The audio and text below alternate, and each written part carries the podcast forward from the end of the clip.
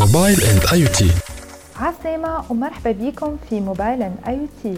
معكم نادية جنين وكما كل جمعة باش نحكيو في جديد التكنولوجيا وليزوبجي كونيكتي الجمعة هذه حافلة أرقام وتوقعات ونسب مئوية إريكسون باغ اكزومبل خرجت سون موبايل ريبورت بور لاني 2019 وأول حاجة تلفت الانتباه فيه هو لو نومبر دي زابوني 5G ديسي ا 2024 إريكسون تتوقع أنه 40% de la population mondiale باش يكون عندها accès à la technologie 5G d'ici la fin de 2024 et que le nombre d'abonnés à cette technologie باش يوصل 1,5 milliard. Ericsson تقول زادة إنه le taux de pénétration des smartphones باش يزيد pour atteindre 70% à l'échelle mondiale. L'Afrique et le Moyen-Orient باش يعرفوا أكبر taux de croissance en termes de trafic data. Selon Ericsson, le trafic des données dans la région MENA باش يتضاعف 9 مرات.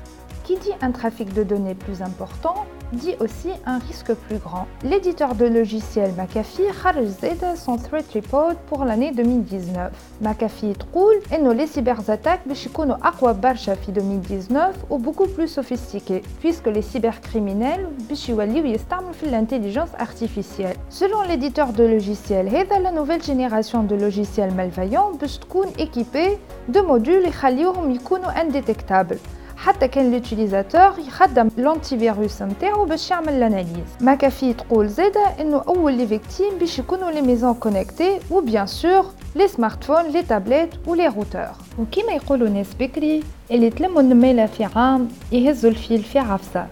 كان هذا كل شيء الجمعه هذه في موبايل اند اي تي نتلاقاو الجمعة الجاية. باي باي موبايل اند اي تي